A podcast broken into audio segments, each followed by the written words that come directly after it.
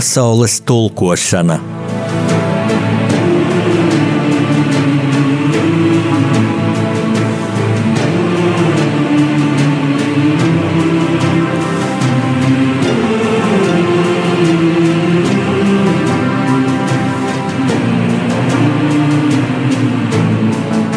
Studijā rakstnieks Jānis Udris.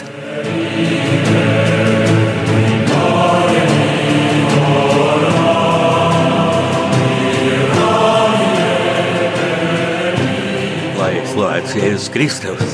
Mīļie klausītāji, šodien ar jums runās divi kungi.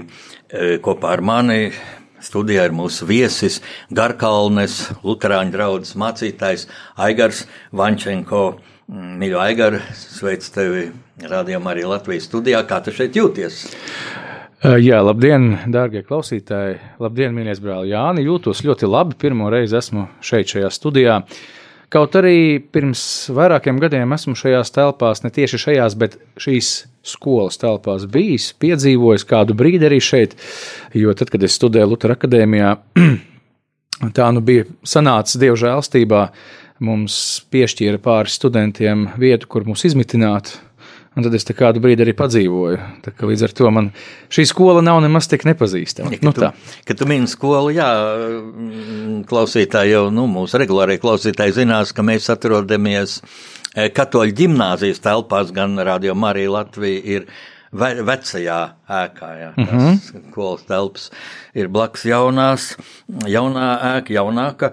Uh, mm, Aigar, mēs runājam trešajā decembrī no šī ir tāda lielās atbildības diena, es teiktu, jo ar šo dienu stājas spēkā vēl papildus, vēl stingrāki valdības noteiktie mm, pasākumi, noteikumi šī koronavīrusa ierobežošanai. Saki, kā tu šos noteikumus vērtē, kā tu raksturot un kā tie iespaidos tavas garkalnes draudzes dzīvi vai kas mainīsies dievkalpojumu kārtībā? Mm -hmm. Ļoti jauka, simpātiska baznīca, bet nu, likuma attiecas uz visiem. Jā? jā, patiesībā es vērtēju vispār šo situāciju kā tādu nu, jā, pārdomu vērtu situāciju. Protams, tas, ka mūsu valsts vadība izrāda iniciatīvu, ka viņi vēlās palīdzēt un pasargāt cilvēkus, tā ir ļoti laba iniciatīva, manuprāt. Ir labi, ka valsts vīri un sievas tomēr domā par, par saviem tautiešiem. Jā, rokās, jā, un cerams, jā. Ka, cerams, ka arī tie mūsu vadītāji izpildīs savus pienākumus. Bet runājot par mūsu draugu, atkal jau ņemot vērā to, ka mēs arī svētajos rakstos tiekam aicināti paklausīt valdībām un varam tik tālu, cik tas nav pretrunā mūsu ticībai. Proti, tiem, kas ķēzaram, jā, tieši tā.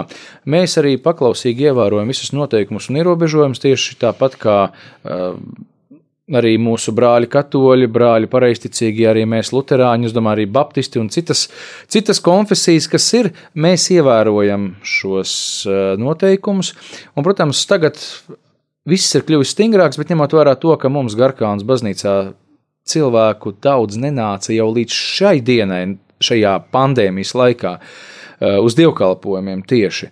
Eh, līdz ar to, nu, jā, tie ierobežojumi ir, bet mēs viņus tik ļoti neizjutīsim. Jo tāpat man dievkalpojumi notiek svētdienās, uz kuriem atnāk tieši uz pašu dievkalpojumu klātienē kaut kādi pāris cilvēki, vien, no kuriem e, puse, ja ne divas trešdaļas mēdz būt e, tieši kalpotāji, līdz ar to baznīca mums paliek tukša. Un uh, mēs skvēpinām vīraku, gan garīgā, gan arī praktiskā nozīmē, kas ir ļoti laba lieta un svētīga lieta. Un uh, principā mēs ievērosim tos pat nosacījumus, kas bija līdz šim. Principā priekš mums tas neko diži nemainīs. Tas, ka ir ierobežojumi stingrāki, jebkurā gadījumā es noturēšu dievkalpojumus, kā līdz šim arī video formātā, proti, Facebook mājaslapā būs iespēja noskatīties gan tieši šai to dievkalpojumu, gan arī pēc tam kā jau mēs zinām, Facebook ir iespēja noskatīties arī pēc tam cilvēkiem. Un tiem, kas noskatījušies dievkalpojumu, būs iespēja individuālā kārtā nākt un saņemt tā kunga žēlstības dāvanas. Tiem, kuri drīkst, kuri nav saslimuši, kuriem nav kaut kādas respiratorās saslimšanas un tam līdzīgas lietas, kas varētu liecināt par to, ka vai nu cilvēks ir vienkārši stiprāka riska grupa. Gadījumā, ja teiksim, viņš saskarās ar kādu covid inficēto, vai arī varbūt viņš pats var būt. Līdz ar to tie cilvēki ir skaidri un gaiši informēti, vispār draudzē ir informācija, ka tāda, tādā situācijā cilvēks ir aicināts neapmeklēt dievnamu, palikt mājās, skatīties dievkalpojumus, un, protams, ir kaut kāda īpaša vēlēšanās saņemt vakarēdienu, nu tad mums arī ar dievu žēlstību ir izsniegti pāris tērpi, ka mēs līdzīgi mediķiem pilnībā ekipējušies, gan paši, gan seja, gan rokas, gan viss, viss, un tad mēs ejam un tad pasniedzam. Bet, principā, protams, maksimāli cenšamies ievērojot visu kārtību, teiksim tā. Nelīst tur, kur nevajag, bet turpinam kalpot. Un, kā jau teicu, mūsu draudzē tas tik ļoti neietekmēs. Es domāju, ka arī šo svētdienu un nākamās būs tāpat atnākšu. Es atnāks pāris kalpotāji, un varbūt kāds, viens, kādi divi cilvēki atnāks, un to mūsu baznīcas telpas atļauj.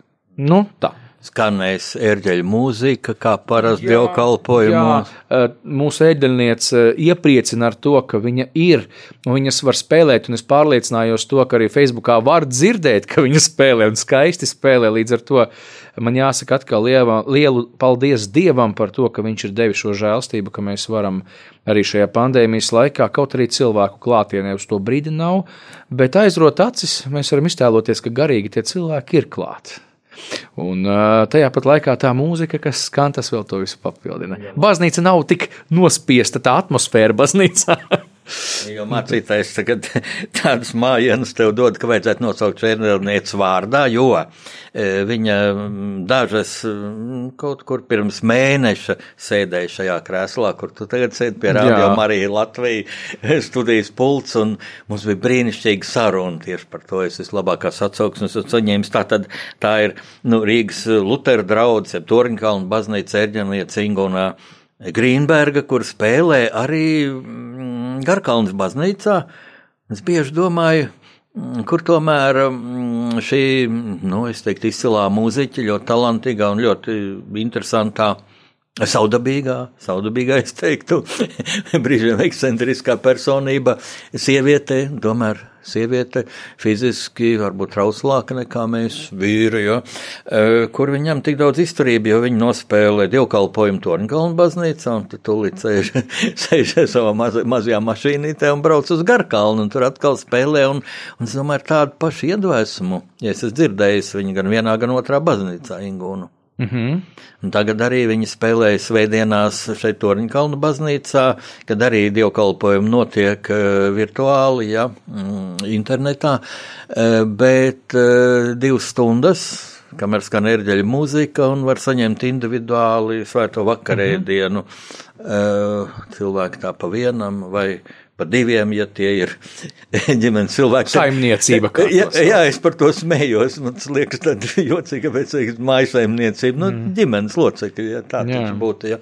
Bet, mīļo mācītāji, tagad es gribētu tomēr izmantot to situāciju Mm, kad es runāju, man vienmēr ir tāda sajūta, kā lajam, ja man ir tāda sajūta, nu, mācītājs ir drusiņ tā virs zemes, bet negluži debesīs. Mēs zinām, ka tur ir mūsu tēvs debesīs, jāsveitīts, lai top tavs vārds, bet mācītājs ir tā kā tuvāk, ja. Man liekas, ka mācītājs, mm, lai man atvaino, tu un varbūt tavu kolēģi profesijas pārstāv man, es to tā kā nejūtu, tā kā amatu, tā kā profesija. Nu, protams, tas ir mhm. profesija, bet man liekas, pirmkārt, tas nav aicinājums vai liktenis vai kaut kāda īpašā sūtība, kaut kas tāds. Un tādēļ es tev gribu jautāt, mm, Aigar, kā tev šķiet, kāpēc nāca par mums šī pandēmija, par visu pasauli, vai tas tiešām par to kā, vai sots vai brīdinājums par to faktiski mm -hmm. ļoti bezjēdzīgo veidu, kā mēs dzīvojam.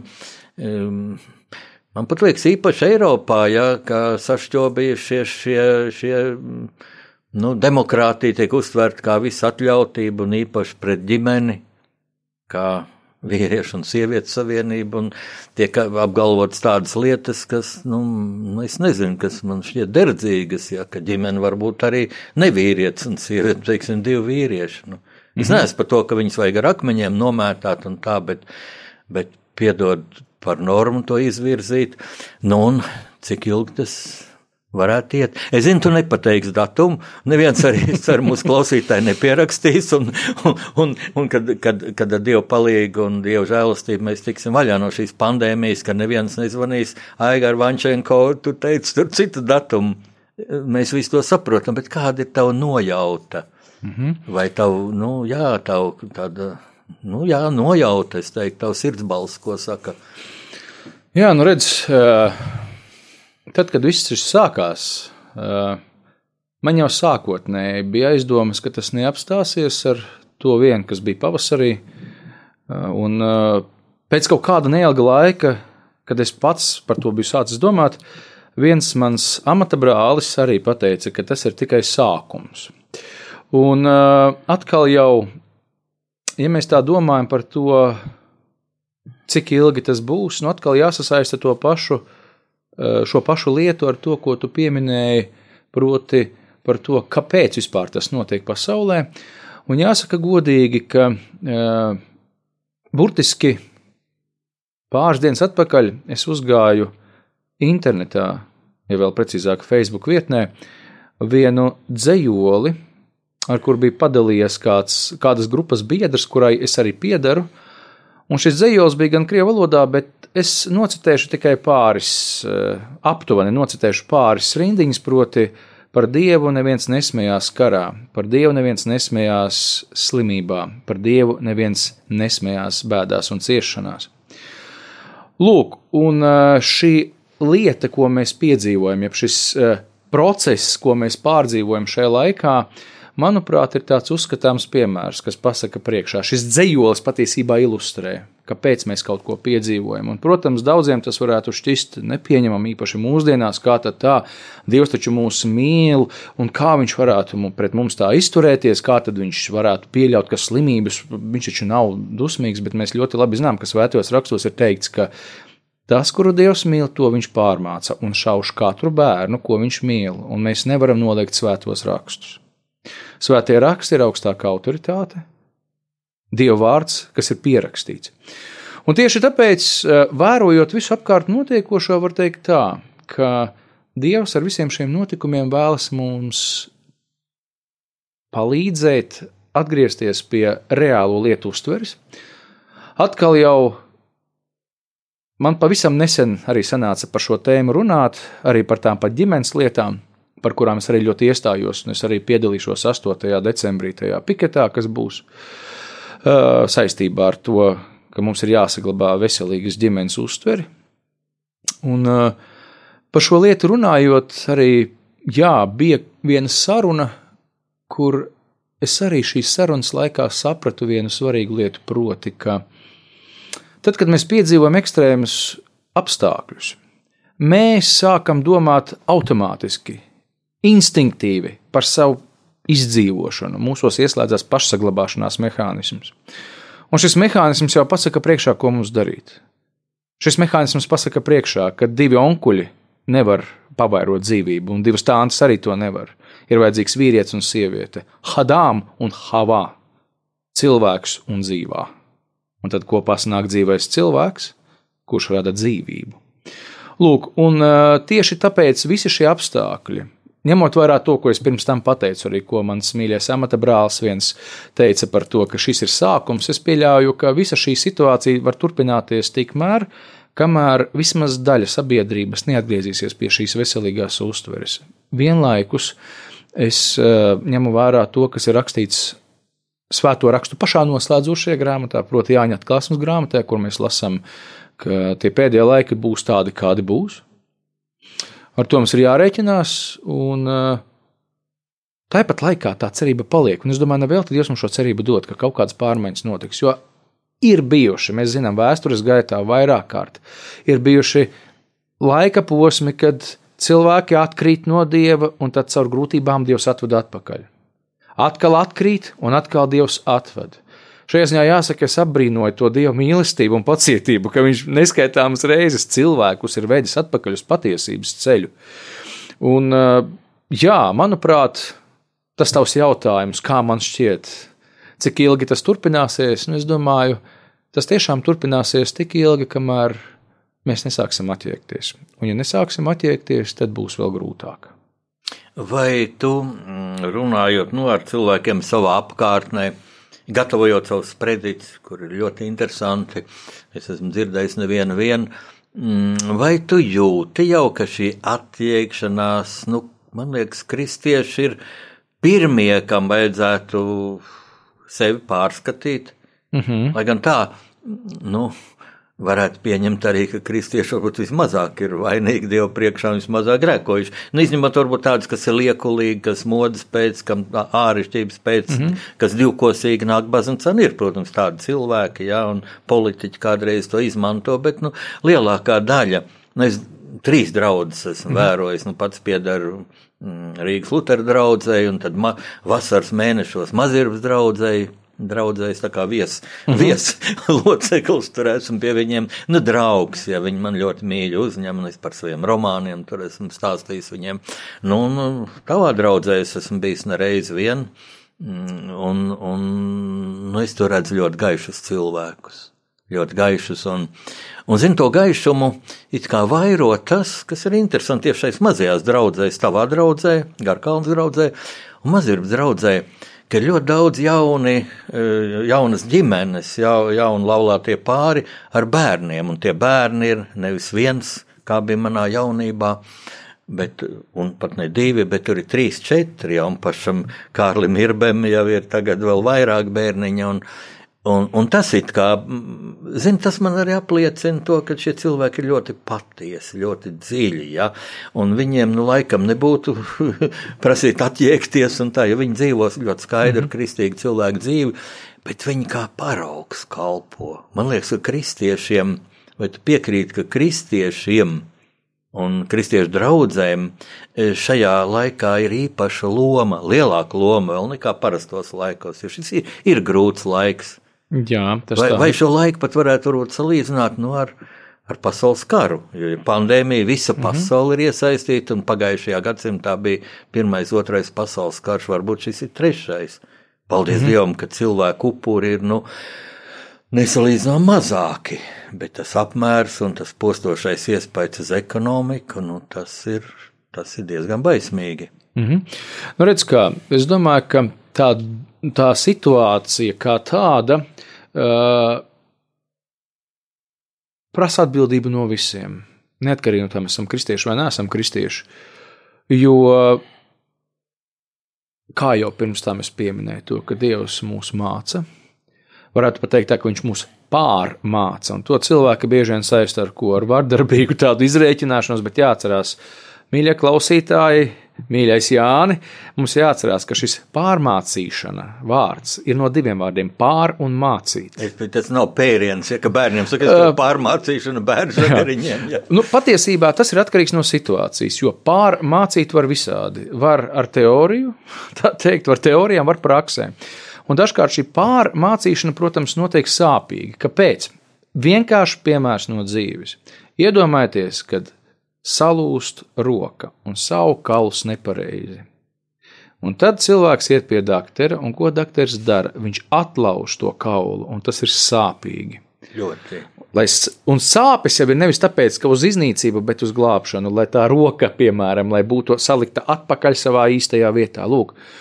Un tāpēc šī pārmācīšana var būt arī kā pēriens. Nevēl es pieminēju to raksturvietu, ka Dievs, kuru viņš, tas, kuru Dievs mīl, to viņš šauš katru bērnu viņš šauš, kuru viņš mīl.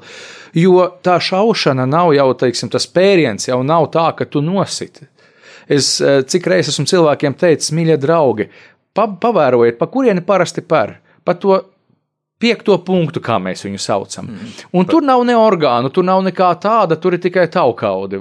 Tad sajust, sajūta, jā, bet tas lielā mērā tev ne, neietekmē. Tu, tu nevar, nebūs tā, ka tu nevarēsi staigāt, ka tas tev varētu apdraudīt, apdraudēt tavu veselību, tavu dzīvību. Nē, sāpe ir tikai signāls.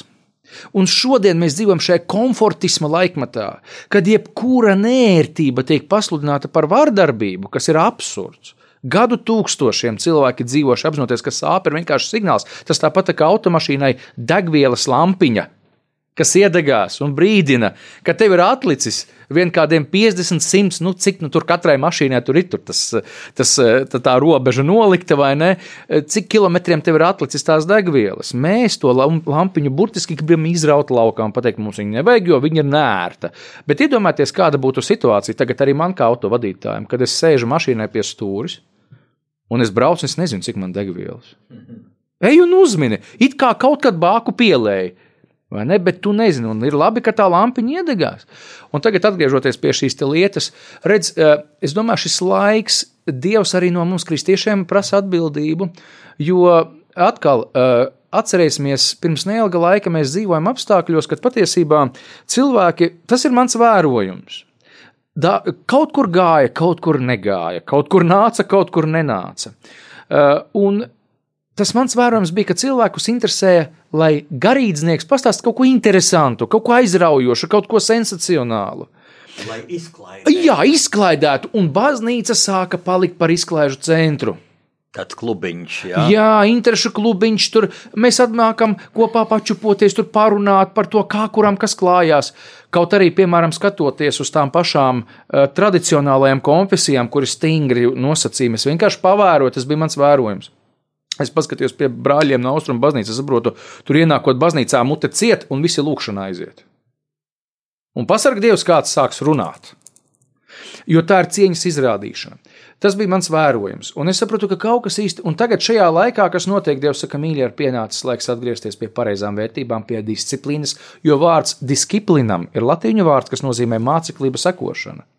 Vai mēs to zinājām? Vārds discipulum vai discipulum, kā mēs to varētu teikt, vai ne? Tas ir māceklis, jeb sekotājs. Un ja mēs atsakāmies no disciplīnas kā tādas, rezultāts ir kāds. Kādi nu mēs tur esam īsti sekotāji? Mēs izmantojam Kristus vārdu, mēs pasakām, es ticu Jēzum Kristum. Bet, mīļais cilvēks, vai tu dzīvo kā Kristus tevi māca? Tas ir jautājums. Lūk, tas ir jautājums, par kuru, par kuru jāpadomā. Un mūsu Jā. raidījumā ir tāda nu, praksa, jau, kas attaisnojas, ka domāt vislabāk, klausoties mūziku. Tagad būs mūzika, kur izvēlējies rādījumā arī Latvijas šodienas viesis Garkalnes Lutāņu draugs mācītājs Aigars Vančenko. Lūdzu, klausamies mūziku!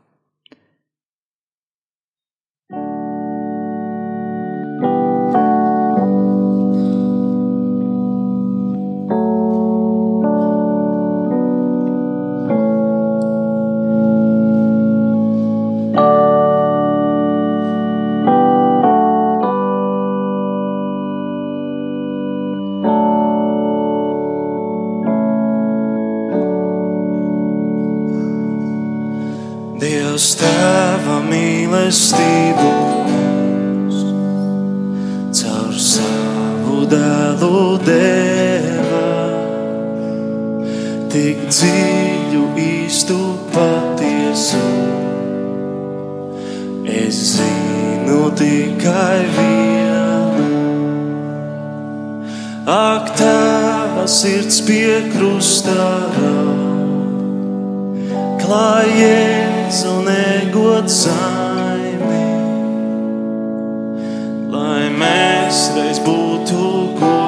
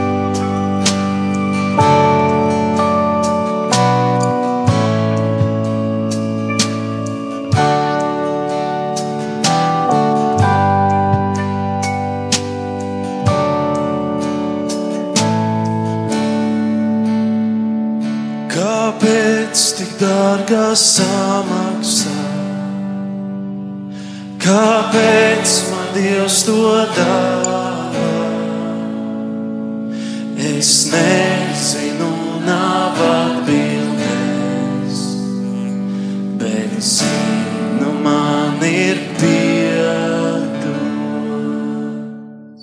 Mīļie klausītāji, jūsu radioviļņos skan Radio Marija Latvija programma un konkrēti rakstnieku pārunu stunda pasaules tulkošana.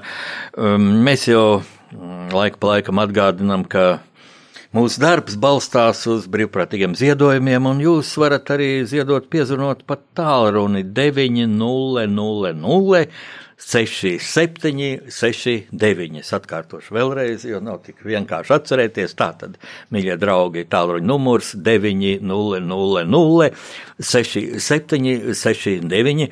Paldies par jūsu ziedojumu! Pašlaik šeit, es Jānis Udrs, rakstnieks, sarunājos ar Garkalnas latviešu luterāņu draugu mācītāju Aigaru Vančenko. Un, mm, Aigars pastāstīja, mm, nu, pateica, mm, tāds ļoti būtisks pārdo, pārdomājamas un mm, vērā ņemams lietas par šo, nu, es teiktu, Mēs, laikam, abi tā teiktu, tomēr ļoti tādu būtisko un grūto pārbaudījumu, ko Dievs mums ir uzlicis, ja šo koronavīrusa uh, pandēmiju. Bet, uh, Aigar, es tagad vienu citu aspektu gribu pateikt, kas mani, zini, ko ne tikai tā, kā, nu, ļoti interesē, bet aizkustina. Šī ir interesantā situācija. Mēs esam divi luterāņi. Ja tu esi luterāņu mācītājs, es esmu parasts ierindas kristietis luterānis ja, no Rīgas Torņkalna, Rīgas Lutera draudzes, no, no Torņkalna baznīcas. Bet mēs esam viesos pie mūsu brāļiem katoļiem, katoļu radiostacijā. Un pirms kara Latvijā kurā bija daudz laba, daudz kā problemātiska. Laikam tāda situācija pat nebija iedomājama, jo, kad es tā lasu, vēsturi bija stipra konkurence. Ja? Un man no manas bērnības ir prātā tāda, tāda viena epizode, ko es šeit katoļu radiostacijā gribu pateikt, kad tāda faktiski manas bērnības humora. Ja? Ka viena no manas mammas māsām, viņa nebija ļoti reliģioza, bet katrā ziņā manai mammai tā bija luterāņu ģimene. Uh, bet viņa jaunībā bija sadomājis precēties ar, ar, ar vienu poli, Latvijas poli, Šamoviču uzvārdā. Un, un tas bija no ļoti tādas konsekvences katoļu ģimenes. Un, nu, labi, viņi pāries katoļu ticībā. Ja? Un, bet nu, viņai tad jāiet pie priestera sūdzēt grēkus. Bet viņa bija tādu, tādu humoru dzirkstelīt iekšā un, un to visu tā, nu, laikam, arī nepietiekami varbūt atbildīgi ņēma. Nu, nu, piedosim viņai, ja tā bija jaunība un, un samīlējusies, un viņa iet pie šī priestera un uz grēku sūdzi. Priesteris saka, nu, meit, vai tu esi grēkojusi? Jā, es esmu. Nu, ko tu, tu tā darīji? Es neklausīju māti. Meit, tas ir slikti, tas ir liels grēks, atceries, tev būs tēva māte godāt. Nu, ko tu meit tādu darīji? Viņš saka, redziet, es vērtēju tēvu, es, man mā, mamma teica, nekādā ziņā nē, katoļos, bet es atnācu.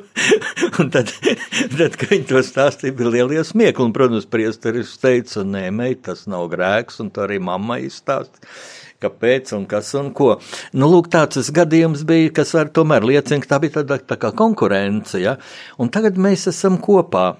Pie tam ne tikai latviešu, Latvijas katoļu un Latvijas luterāņu, bet te varētu piepulcēt arī baptistus, arī pareizticīgo baznīcu, kad notiek ekumēniski dievkalpojumi, piemēram, uz valsts svētkiem ja, un citos nozīmīgos mm, datumos. Un, un kas ir interesanti, ka tas tāds pasaules mērogā tāds liels fenomens. Es pat prasīju, vai tā ir, vai es varbūt kļūdos. Es pas, prasīju mm, katoļu arhibīskapam Zbigņovam Stankēvičam, kur es dziļi cienu. Ja? Un, un, un tiešām, nu, Nu, es ne, negribu cildināt cilvēku, kur, kurš, kurš, kur tāpat visu godā. Um, kā tu vērtē šo fenomenu, kā tu izskaidro, kad tas radās? Vai tas varbūt es dzirdēju tādu skaidrojumu no, gan no luterāņiem, gan no katoļiem, kad tas radās varbūt padomju okupācijas laikā, ka mēs bijām vienādi apspiesti. Bet mm ir taču arī citas nu, bijušās PSRS republikas, kur tā nebūtu nav, kur ir šī konkurence. Ja? Nu, redz, eh, patiesībā tas mans redzējums šajā jautājumā ir sekojošs. Proti, mm, tas, ka okupācija atstāja savu iespēju, tas ir viennozīmīgi, jo tikko mēs runājām par grūtībām, kas mūs atmodina, grūtības arī mūs apvieno. Tas ir tāds kā fizikā. Spiediens gaisa daļiņas saspiež kopā. Kristiešus pārbaudījumi arī saliedē. Mēs esam spiesti saliedēties. Citādāk mēs nevarētu pastāvēt. Bet jāņem vērā arī to faktu, ka mēs esam latviešu tauta. Mums ir sava mentalitāte, mums ir dažādi tādi mazi aspekti, kas kopā sasummējot, izveido šo vidi, kurā mēs veidojam šo ekumēnismu. Un, protams, esmu dzirdējis, ka daudz kur pasaulē tāds ekumēnisms vispār nu, ir ļoti, ļoti vārgā līmenī. Protams, ir jāsaprot arī, ko vispār nozīmē šis vārds ekumēnisms, kas ir šī jēdziena būtība. Un, un ir cilvēki, kas saka, mums ir jābūt uzmanīgiem, jo ekumēnisms, kā to bieži vien skaidro, ir tāda doma, ka mēs tagad mēģināsim visus apludināt kopā. Vai neteiksim, nu tā, ah, nu noliksim visas tās atšķirības un būsim kopā. Bet patiesībā, nu atkal jau jāsaka tā, Jā, mēs esam dažādas konfesijas, mums ir jāmācās būt vienotiem, bet ir jāatcerās, ka mēs tāpat kā dažādi cilvēki. Mēs šeit pat studijā sēžam divi, it kā vienai konfesijai piederīgi, bet ļoti dažādi ar dažādu dzīves pieredzi, dažādu eh, šur tur arī lietu uztveri un tā tālāk. Un Dievs mūs pieņem. Viņš atkal es uzlikšu uzsvaru, viņš mūs pieņem. Viņš nepieņem varbūt tos mūsu uzskatus, kas mēdz būt aplami, bet viņš mūs pieņem. Viņš svētī labo, slikto nesvētī. Un mums katram ir gan savi plusi, gan savi mīnusi. Mēs varam viens otram bieži vien, ko mēs darām, mēs nodarbojamies ar tiem skeletiem, mēs lienam un velkam laukā, un tas man visvairāk apbēdina. Kur mums tajā laikā, ko Kristus ir mācījis? Viņš ir mācījis lūgt vienam par otru. Nevis bāzt degunu visu laiku un uzrādīt, redz, kur tu slikts tajā, tajā, tajā, tajā, un pēc tam ar tādu uh, neatbilstošu attieksmi, ar neatbilstošu tādu izturēšanos, ar tādu cinismu, bet mēs esam aicināti mīlestībā lūgt viens par otru. Šajā ziņā es esmu ļoti ekumēnisks. Es draudzējos ar katoļiem, ar pareizticīgiem, ar citiem kristiešiem. Man nav problēmu. Es varu kopā lūgt Dievu, un man ir prieks. Man ir prieks dzirdēt, kad, kad, kad uh, mēs, kā divas konfesijas, katoļi un luterāņi, šajā laikā tiešām esam, nu, tas solis uz, uz to ekumēnismu ir tik ļoti tālu spērts. Man līdz asarām aizkustina tas, ka brāļi var sanākt kopā, ka man ir pašam uh, vismaz divi katoļu priesteri, tādi labi draugi, ar kuriem man ir tik sirsnīgas attiecības. Un, uh, Viens no viņiem atceros, pirms kaut kāda laika man zvana vakarā telefons, kaut kas bija svētdiena, vai tik nebija. Jā. Un man zvana tas viens no katoļu priesteriem. Viņš saka, draugs, klausies, es te biju kalpot, es te izbraukāju tur pa laukiem.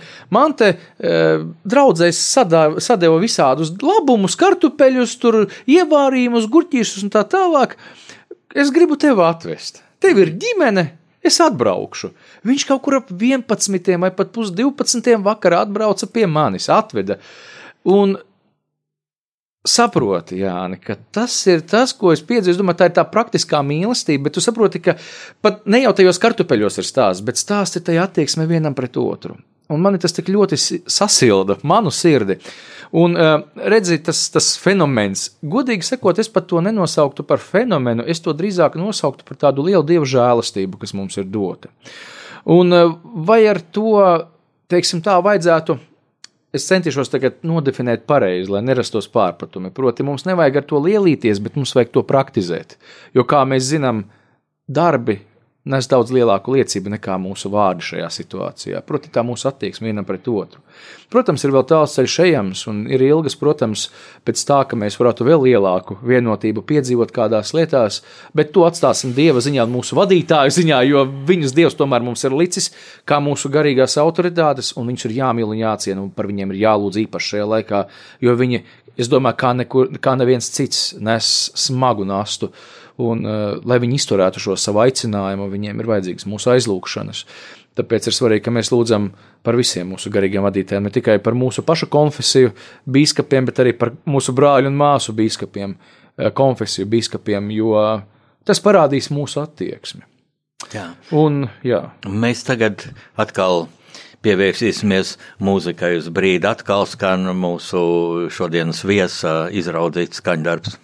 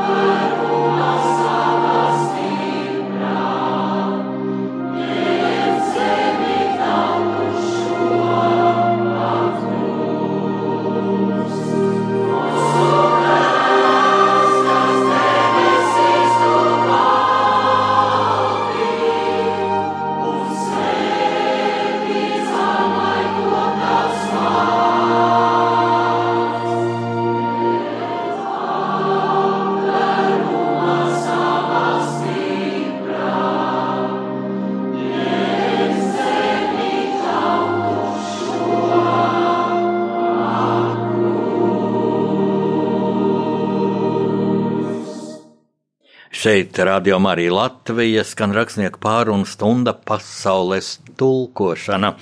Un studijas viesis šodien ir Garkalnes Lutāņu draugs mācītājs Aigars Vančenko. Un, lūk, Aigar, man tagad raidījuma jau beidz, beigu daļā mm, gribas pateikt tādu ļoti gaišu iespēju, kas man ir radies tavā draudzē, dažkārt viesojoties. Mm, kaut es esmu Rīgas Lutera draudzē, un mums ir tāda kā šefība par Garkalnas baznīcu, jo mūsu draudze, nu, Tornkalna baznīcā, kas, mm, kas pulcēs dievkalpojumos, ir Latvijā lielākā. Mums uz papīra tā ir 4000 locekļi. Nu, protams, būtu labi, ja ceturtā daļa sanāk dievkalpojumos, tad, kad bija normāli, ka nebija šie ierobežojumi.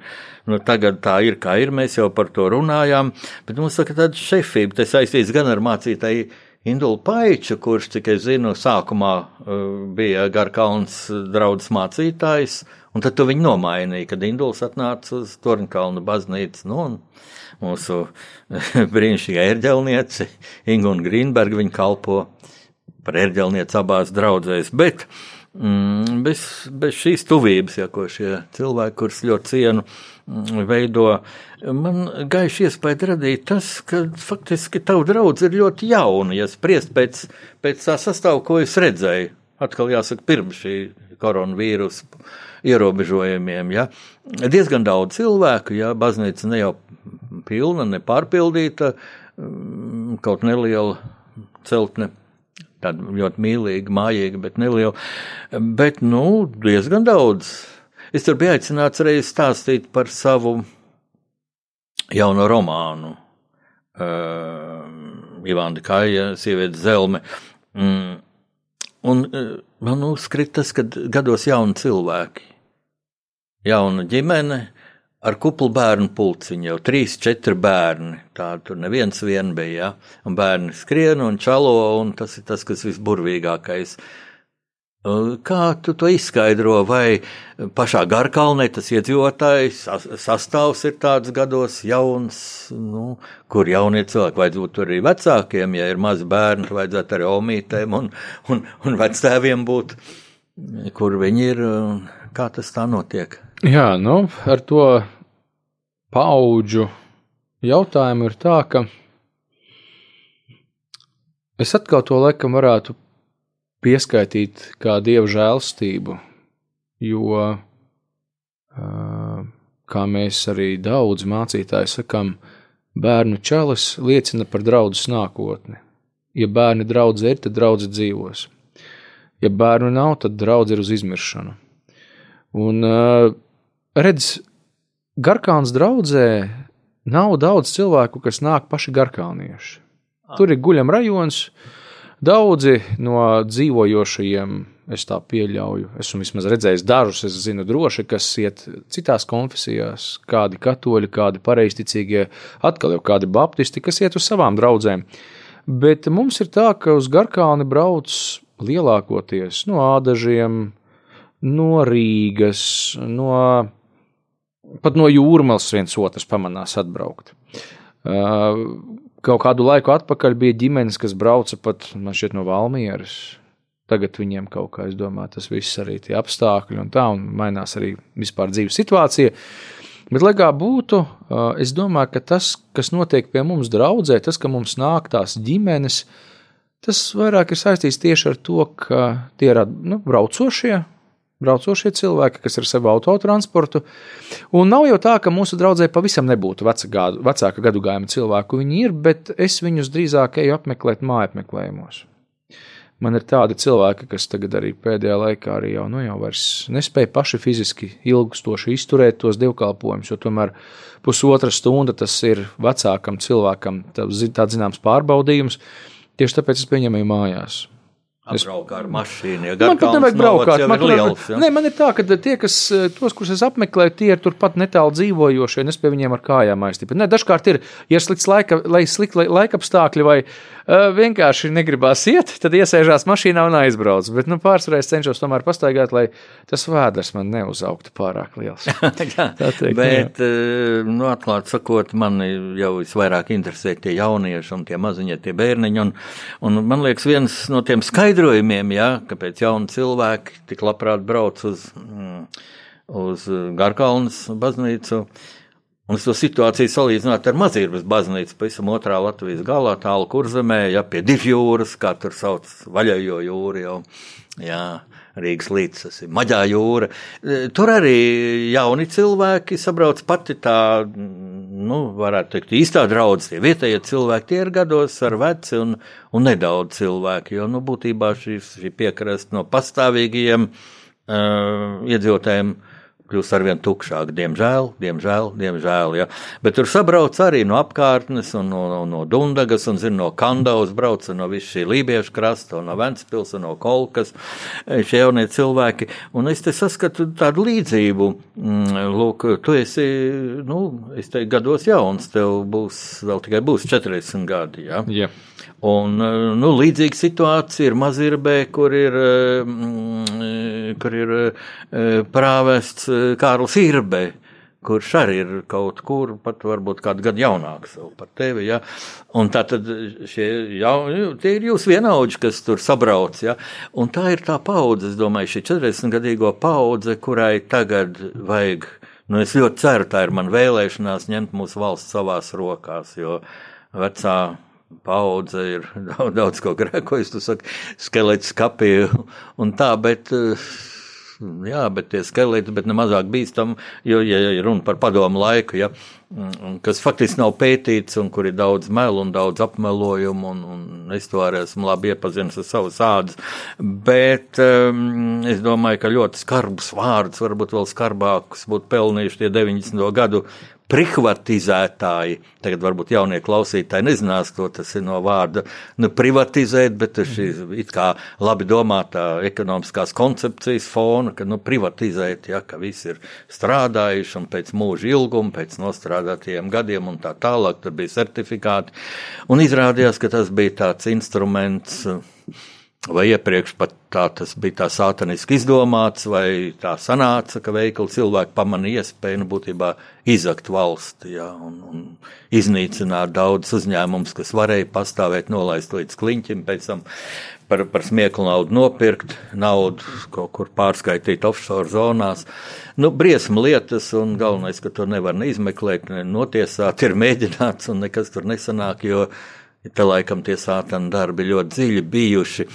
Un tagad man liekas, lūk, tev 40 gadi. Tātad, tu, kad Latvija atjaunoja neatkarību, tu biji nu pavisam vēl puika, pat, tiku, pat vēl ne pusaudzis, ne tīnis, kā saka. Ja? Tev bija, nu, cik deviņi gadi, ja desmit. Desmit tā, sanāca, ja? jā. Un tā kā tie pusaudži gadi vēl tikai, kad kaut ko tā pa īstam jau sāk kaut ko spriest un kritizēt un tā vai ne. Tas nāca neatkarīgajā Latvijā, ja? Mm. Kā tas, lūk, kāds bija tavs ceļš pie Dieva un nu, ne visi var būt mācītāji, ja, bet tomēr šī tāda ļoti skaidrā vērtības sistēma, kas tev ir, un tā tik ļoti gribētos, lai visiem taviem vienaudžiem ir. Un, kad es esmu runājis ar, ar tavu gadu gājumu cilvēkiem, bieži vien tas ir apmēram tā kā man meita ar puišiem, un es prasīju, nu, tu, tu esi simpātisks, godprātīgs, esi Latvijas patriots. Kā ir tavi vienaudži, tavs skolas biedri, tavs studiju biedri? Vai viņi tādi paši kā tu, vai viņi ir, nu, es tādu rusiņu piparot, tādu teicienu, nu, vārdsot zemes kvalitātes cilvēki. Un zem viņi ļoti nopietni uzņem šo jautājumu, padomā, un tad ir teikuši, zini, ko varētu būt puse uz pusi. Kā tu uz to skaties? Mm. Ir pamats optimismam, raugoties uz tavu gada gājumu. Redz, kā ir. Optimismam vienmēr var būt pamats, kamēr vien cilvēki dzīvo. Pat ja paliek viens cilvēks, saprātīgs, kā mēs zinām, ar piemēru Latu, vecajā derībā, vismaz viens cilvēks bija, nu tad Dievs to cilvēku saglāba. Žēl viņš pilsētu iznīcināja, tāpēc, ka tajā pilsētā vairs citu nebija. Bet uh, Es uzskatu tā, ka mūsu uzdevums varbūt pat šajā laikā, redzot to visu, kas notiek, ir vienkārši atkal atgriezties pie lūkšanas, jo tad arī Dievs rādīs, cik tas ir optimistiski. Kāpēc es tā atbildu? Tāpēc, ka es domāju, mēs kā cilvēki mēs varam spriest par daudzām lietām. Es pats esmu domājis par daudzām lietām, esmu domājis, kā tagad to visu uztvert un saprast. Tiešām tas pats jautājums, nu, kā es domāju, teiksim, cik mums ir tādu potenciālu, labu cilvēku. Patiesībā potenciāls ir katrā jautājumā, vai cilvēks to potenciālu izmanto. Un, nu, tie, kas izmanto, nu, diemžēl tā dzīves skarbā realitāte, kas balstās svētajos rakstos, ir šāda, ka daudz ir aicinātu, bet maz izredzētu. Kāpēc? Jo tikai tie nedaudzie atsaucās šim aicinājumam. Jo nav tā, ka Dievs būtu izredzējis vien retos, un viņš kā visus aicina, tad tā pasmējās. Es jau visus jūs aicinu, bet paņemšu tikai dažus. Viņš aicina visus ar domu, ka maksimāli jebkurš varēs nākt. Problēma ir tajā, ka mēs šo izvēli neizdarām. Un, eh, tāpēc es varu teikt, tā, es redzu katrā cilvēkā potenciālu uz to, ka viņš var sākt iet šo patiesības ceļu, šo dzīvības ceļu. Jautājums, vai cilvēki to izvēlēsies. Un šis laiks, es domāju, atkal atgriežoties pie sākuma, kaut kā tas sanāca, ka mēs atgriežamies pie tās sākuma tēmas. Es domāju, ka šis laiks ir laiks, kad Dievs grib izkristalizēt to lietu, parādīt, kur mēs esam patiesībā un kādu virzienu mums būtu jāizvēlās. Un lai Dievs dod, ka mēs kā sabiedrība ieraugam to, un lai 40 gadnieki, un ne tikai, arī jaunāki, un arī vecāki, mēs spējam izdarīt pareizu izvēli šajā ziņā, ka mēs izdarām izvēli atgriezties pie Dieva. Nemeklēt savu dzīves jēgu citur kaut kur, kur ir pārējošās vērtības, jeb kā Bībele saka, elki, bet mēs meklējam savu dzīves vērtību dzīvajā Dievā, jo tas mūs pašus darīs dzīvus. Nu tā. Jā tu gandrīz tā kā pieliki punktu un nu, mācītājs, es saku, sprediķi no kancels, ka beigu vārds ir āmen. Ja? Nu, bet šis ir tāds laicīgs raidījums, mēs runājam par laicīgām problēmām, tā bija mm -hmm. saruna, tas nebija mm -hmm. sprediķis, ja? un tāpēc šoreiz āmen nebūtu vietā, bet tomēr pāris minūtes vēl ir mm -hmm. laiks. Es tev palūgtu tādu Nu, tas tāds, tāds klasisks, varbūt, veids, kā nobeigt redzējumu.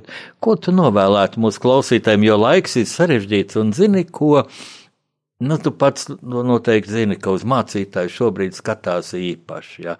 Nu, mācītājs zina kaut ko tādu, un pratīs pateikt kaut ko tādu un kaut kā tā, ka tomēr mums tā situācija kļūst skaidrāka. Tu jau daudz pateici, bet tādu varbūt rezumē, vai ka mēs tagad mhm. tā pēc ārzemju modes teikt summary ar tādu kopsavilkumu. Mm -hmm.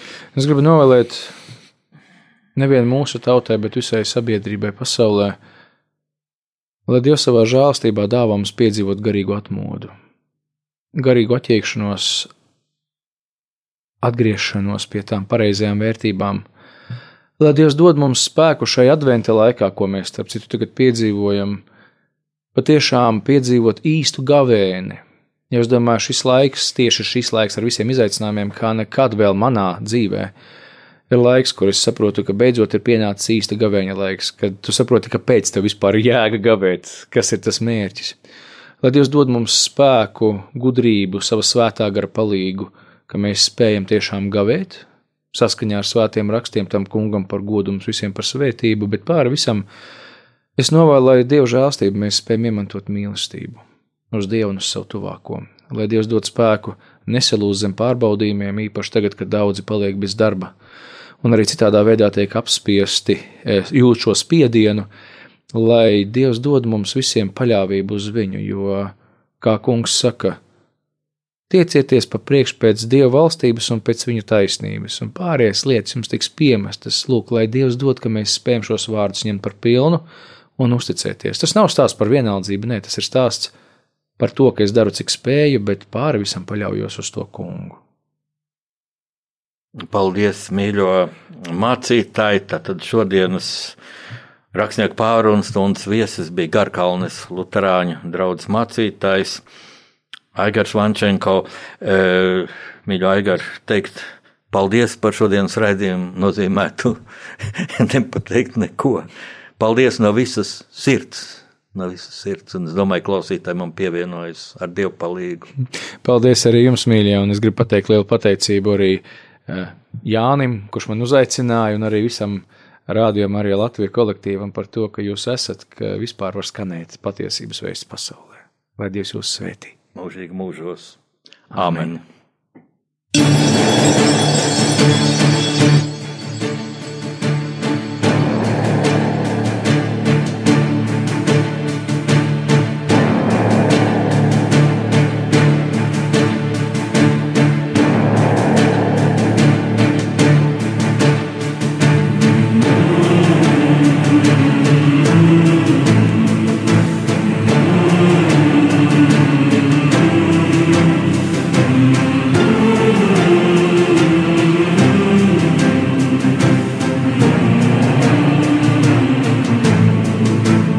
Pasaules tulkošana